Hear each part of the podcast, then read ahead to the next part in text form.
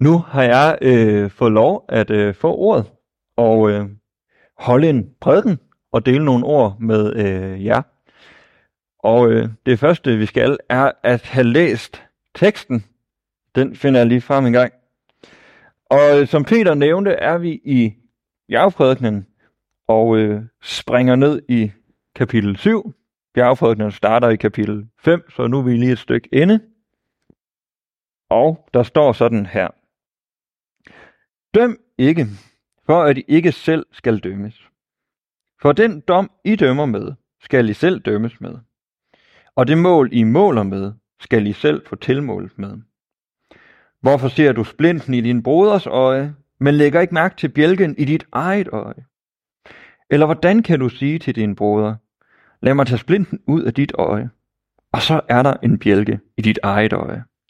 Hygler, tag først bjælken ud af dit eget øje, så kan du se klart nok til at tage splinten ud af din brors øje.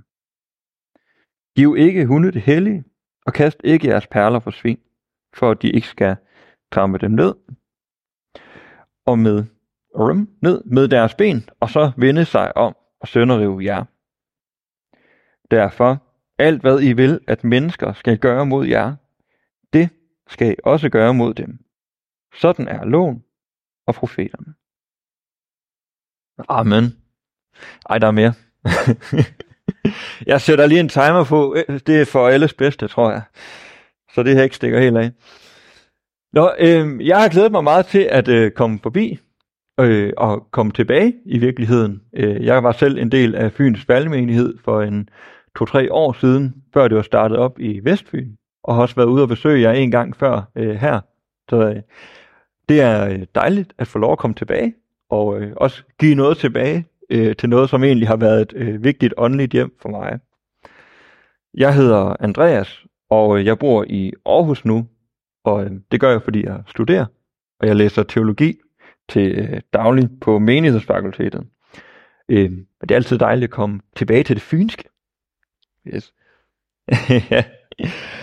og øh, vi har øh, fat i en tekst her fra bjergprædikenen, og bjergfolken er jo super lavpraktisk og konkret om, hvordan man lever sit liv øh, som kristen. Man kan sige, det er en programplan for, hvordan vi er borgere i Guds nye rige.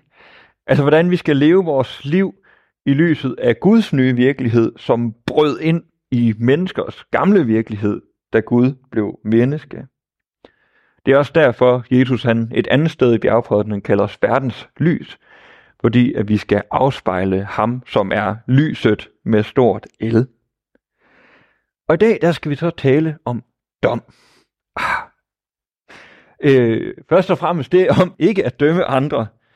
Og det er dejligt, øh, for selvfølgelig skal vi ikke dømme mennesker. Vi skal elske dem. Vi skal være lyttende og forstående, i stedet for at være efter hinanden.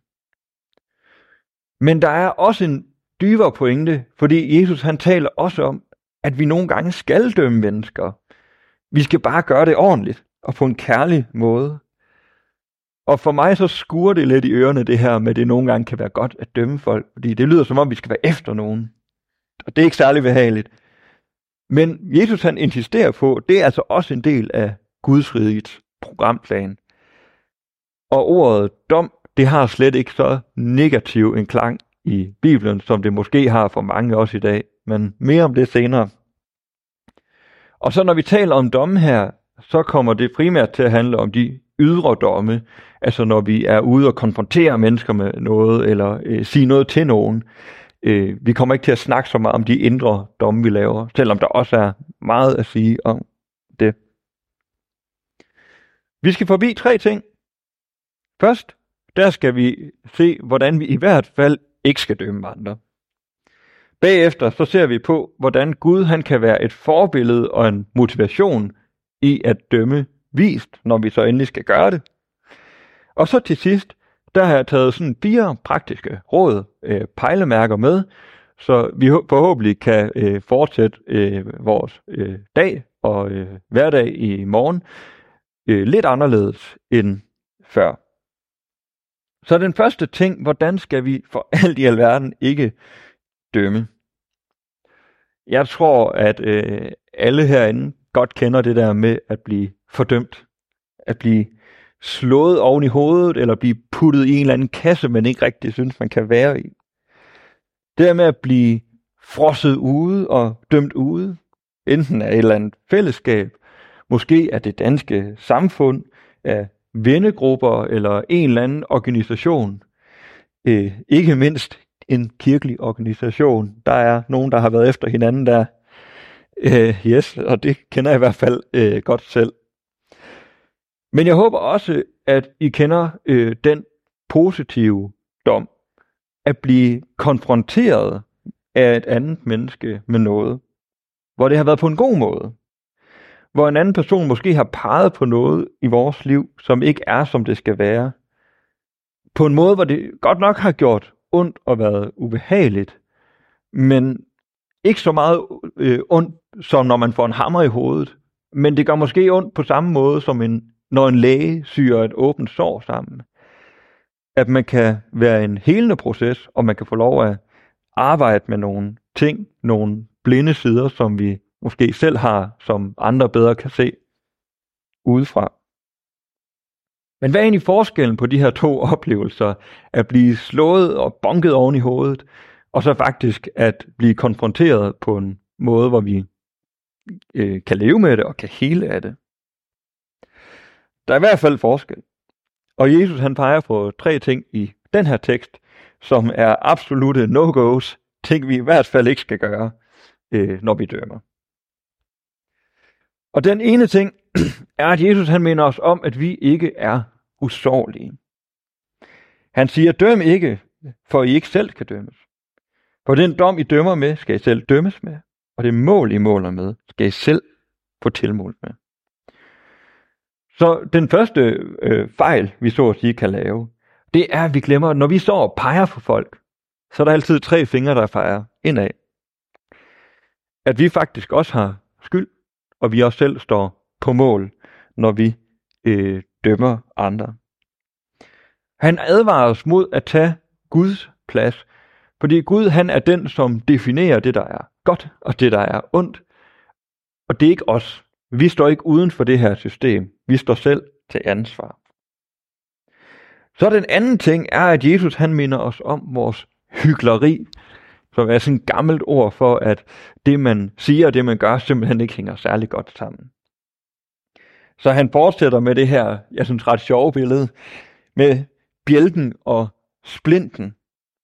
Og siger, at vi er hyggeligere, hvis vi ikke først får bjælken ud, før vi får øh, hjælper vores broder med at få splinten ud af deres øje det, det her ret øh, komiske billede, jeg forestiller mig sådan en person rende rundt med sådan en flagstang ud af ansigtet, øh, prøver at hjælpe en person med at få en splint ud, har tydeligvis ikke fattet, at øh, der er et problem. Øh, og den her situation, den er virkelig absurd. Men det er nok ikke mindre absurd, end når mennesker selv øh, står og øh, lever uden integritet. For vi skal ikke dømme som hyklere, men husk lige at feje for egen dør også. Det går ikke det der med at konfrontere nogen med ord, som vi faktisk ikke selv lever efter. Det, øh, det falder meget hårdt til jorden. Der skal være sammenhæng mellem, kan man sige, træets rod, og så træets frugt, altså vores liv og vores ord. Og det modsatte af hyggeleri, det må så være integritet, at vi er hele mennesker, der hænger sammen. Så den tredje ting, at de øh, domme, vi øh, giver, de er simpelthen nødt til at svare til virkeligheden. Han har det her øh, lidt sjove udsagn. Giv ikke hunde det hellige, og kast ikke jeres perler på svin. Øh, og de her vers er øh, ret mærkelige, og folk, der arbejder med at forstå Bibelen, øh, har svært ved at blive enige om, hvad er det lige præcis, Jesus han mener. Men med det øh, forbehold taget betragtning, så tror jeg, at det Jesus han mener er, at vores domme er nødt til at svare til, hvordan virkeligheden er. Måske kender I ordsproget, at man ikke skal kaste perler for svin, som egentlig også er, altså Jesus han er virkelig sjov. også er et billede på, at vi skal ikke tage noget enormt værdifuldt, og så give til noget, der, der ikke giver mening. Altså en modtager, øh, hvor gaven ikke matcher, det svarer lidt til at gå hjem til sin hamster derhjemme, og så diske op med en helt stor gourmetret.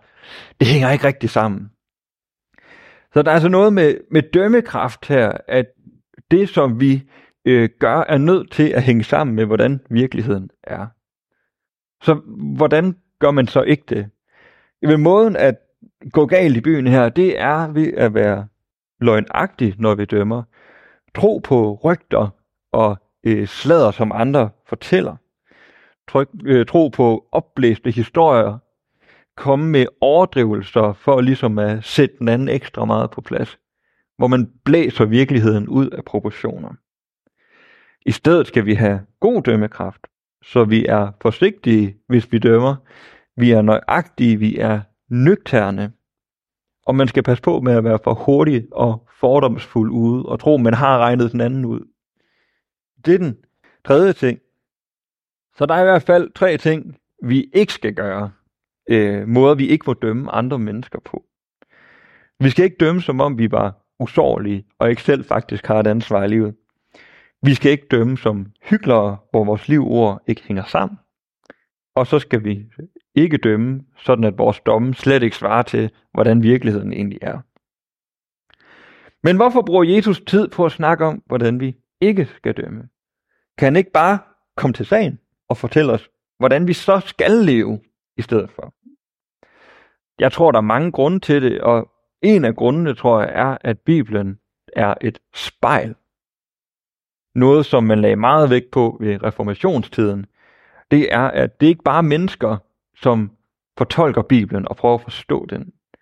Det er faktisk Bibelen, som fortolker os og øh, læser os, så at sige. Den afslører os, og den gennemskuer os.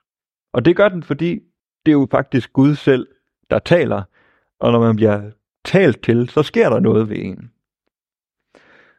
Og her bliver man formentlig afsløret, at vi ikke lever op til Guds riges høje standarder.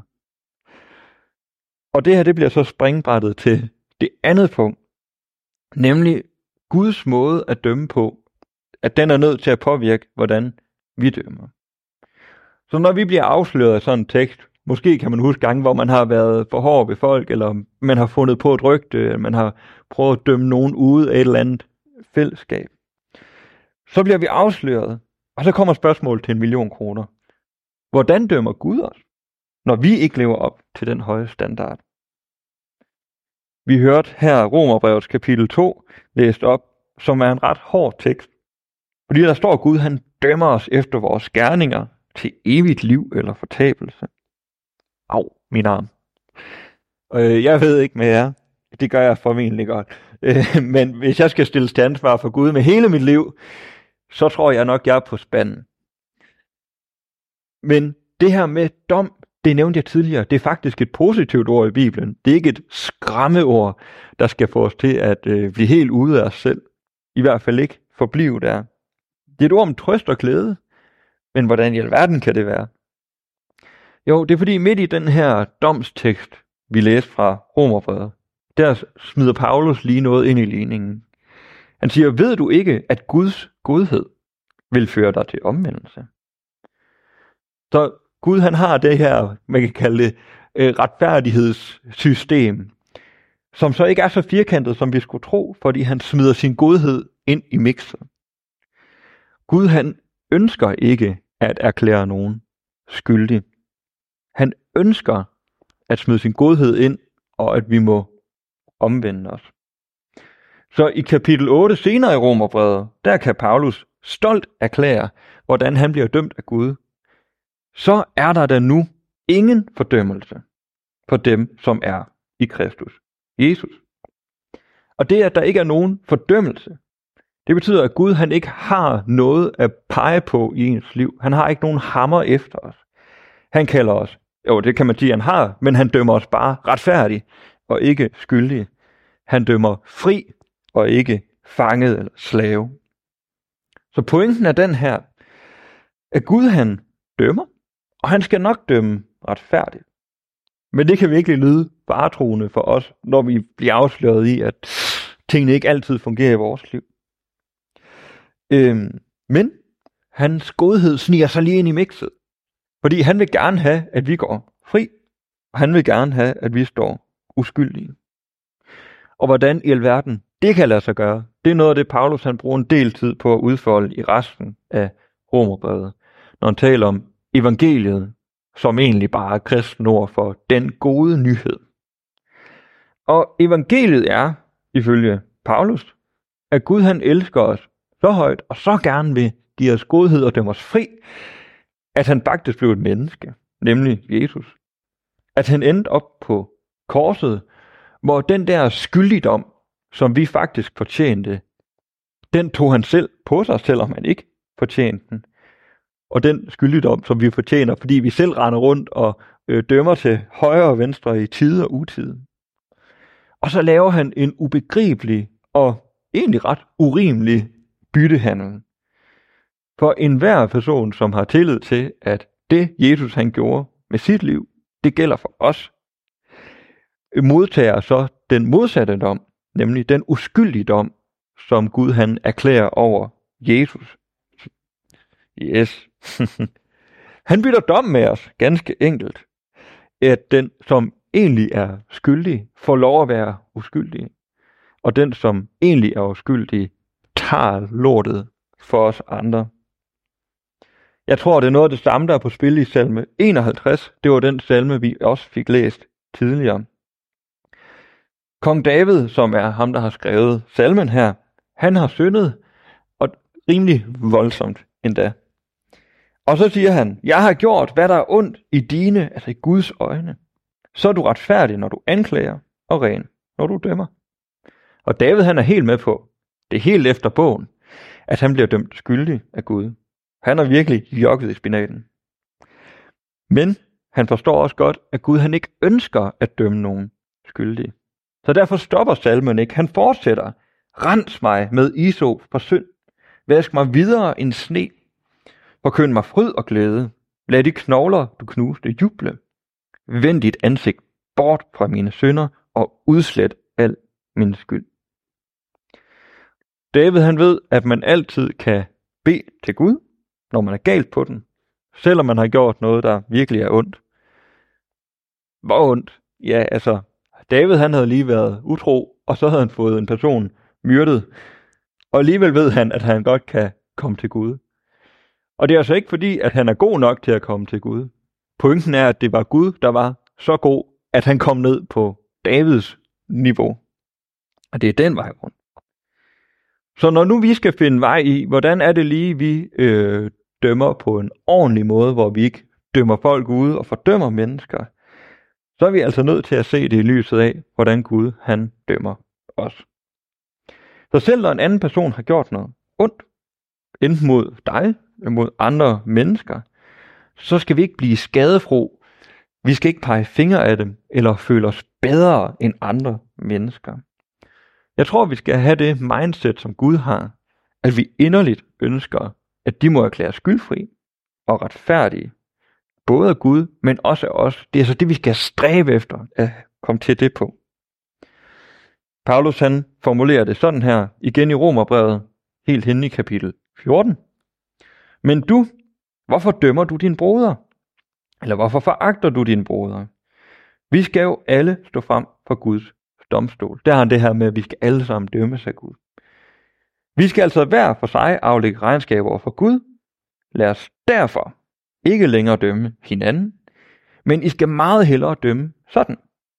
Ingen må bringe sin broder til at snuble eller falde.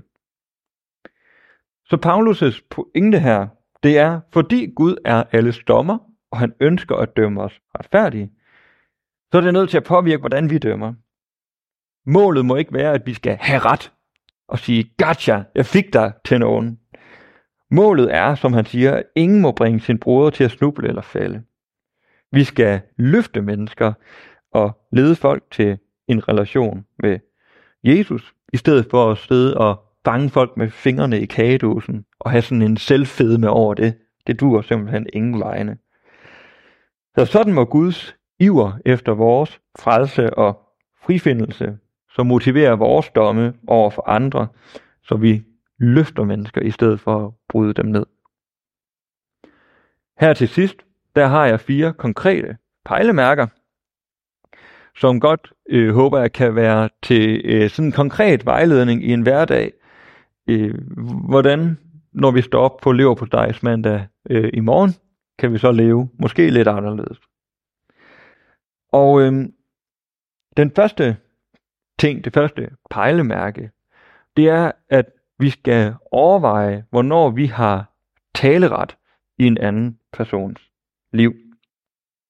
Fordi nogle gange så kan det være, at der er nogen, som øh, kæmper med noget, eller slås med noget, øh, og der måske er nogen, der er nødt til at sige noget. nogen er nødt til at konfrontere det her menneske. Men er det nødvendigvis dig, der skal det?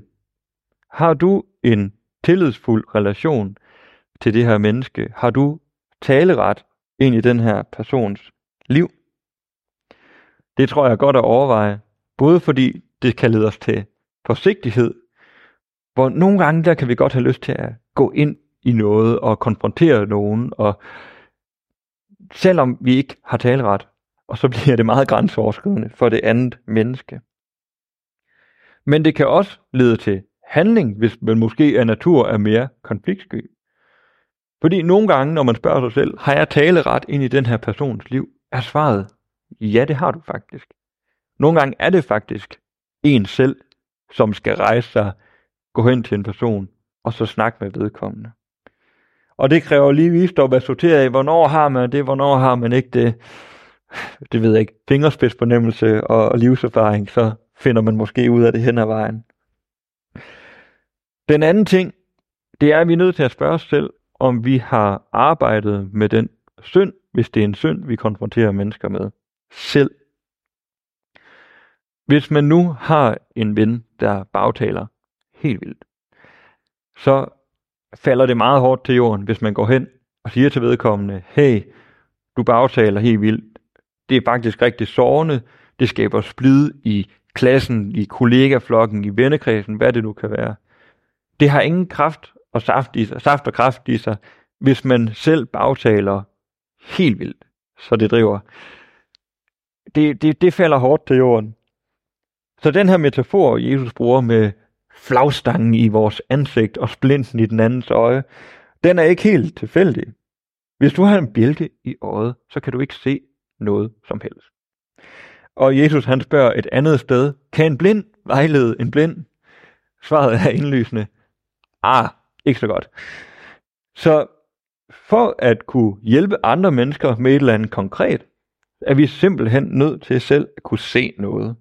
Vi er nødt til selv at have arbejdet med bagtagelse og ikke være perfekte i det, det bliver vi formentlig aldrig, men have arbejdet nok med det til at kunne være, have integritet, når vi siger, hey, der er noget her, jeg synes, du skal arbejde med. I salme 51, der tror jeg, David han har samme indstilling. Først erkender han, at han har syndet, og så søger han tilgivelse hos Gud, og han beder om et rent hjerte, at han må stå oprejst med rank ryg og få lov at prøve at gå igen. Og bagefter, og først bagefter, der siger han, jeg vil lære lovbrydere dine veje, så syndere kan vende om til dig. Så det er først, når David han har fået hjælp til sin egen bjælke, så kan han hjælpe andre.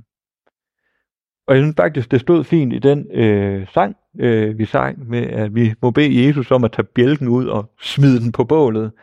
Og det er altså først der, vi det har særlig stor substans, når vi kommer til folk. Den tredje øh, ting, man kan tage fat på, det er det her, øh, den gyldne regel. Det er også en del af prædiketeksten. Og står alt, hvad I vil, at mennesker skal gøre mod jer, det skal I også gøre mod dem.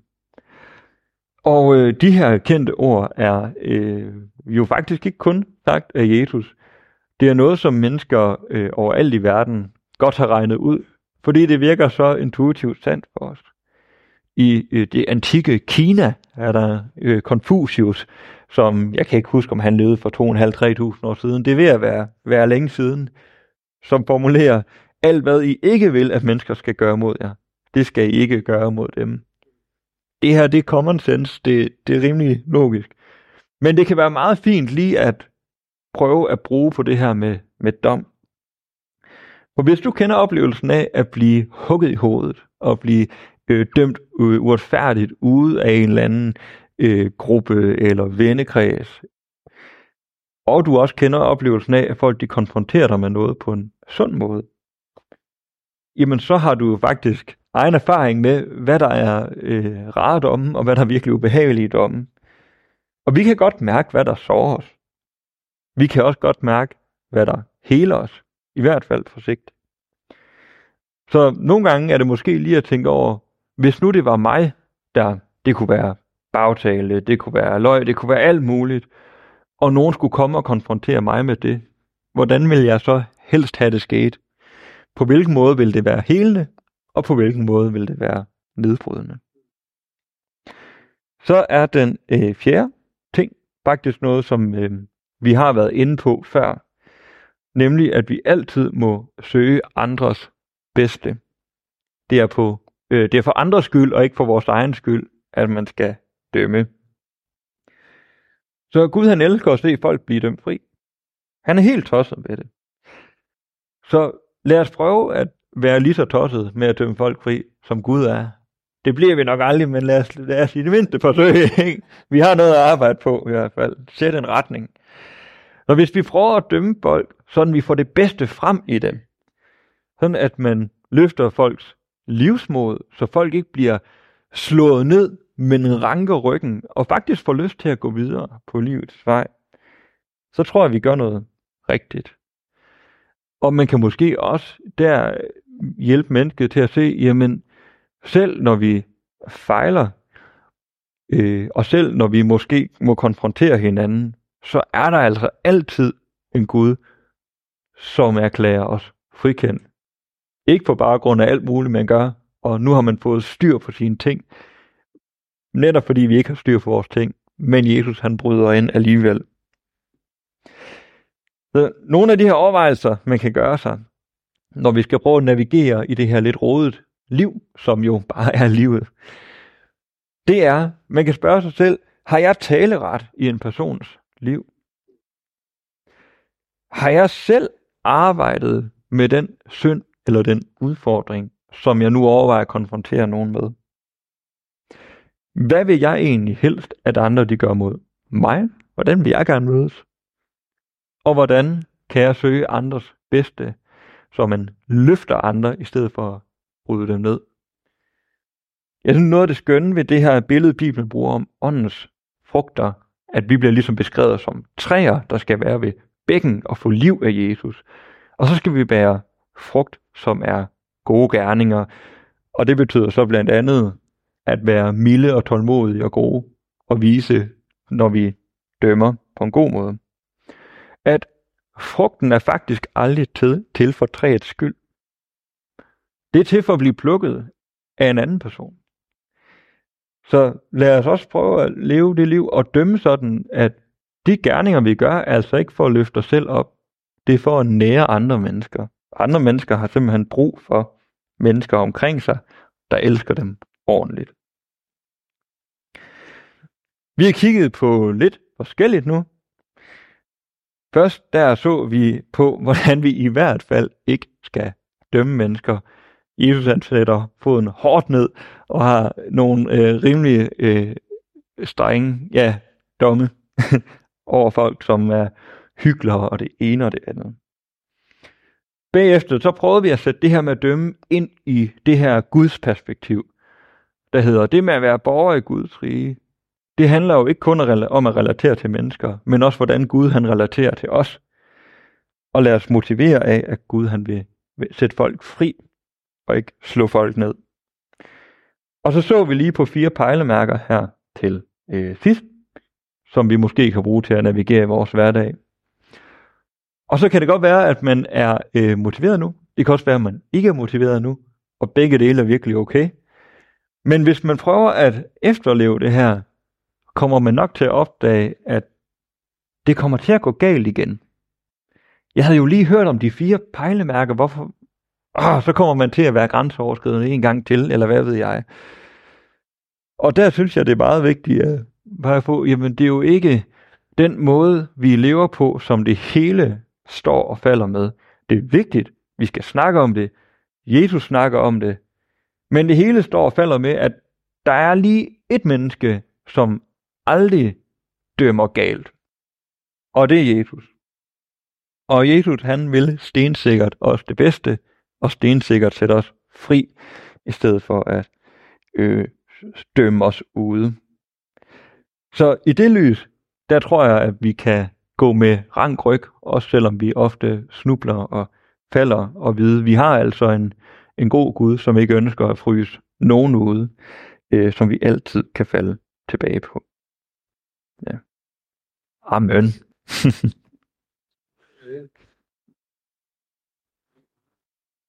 at øh, bede en øh, bøn. Jesus, jeg takker dig, at du gider os. Tak, at du taler til os, og du gerne vil noget med vores liv. Jeg takker dig for, at du valgte at blive menneske. Du kunne have lavet være. Du havde det så fedt med faderen og med ånden. Men du valgte alligevel at komme helt tæt på, fordi vi også skulle være med. Tak, Jesus, at du vil frikende os. Og tak, at du gik så langt for selv at blive dømt for noget, som du aldrig havde gjort, som vi havde siddende på os, for at du kan dømme os på baggrund af din retfærdighed. Vil du hjælpe os til at navigere i det her med dom? Vil du fylde os med din hellige ånd, fordi vi kan ikke gå den her vej alene.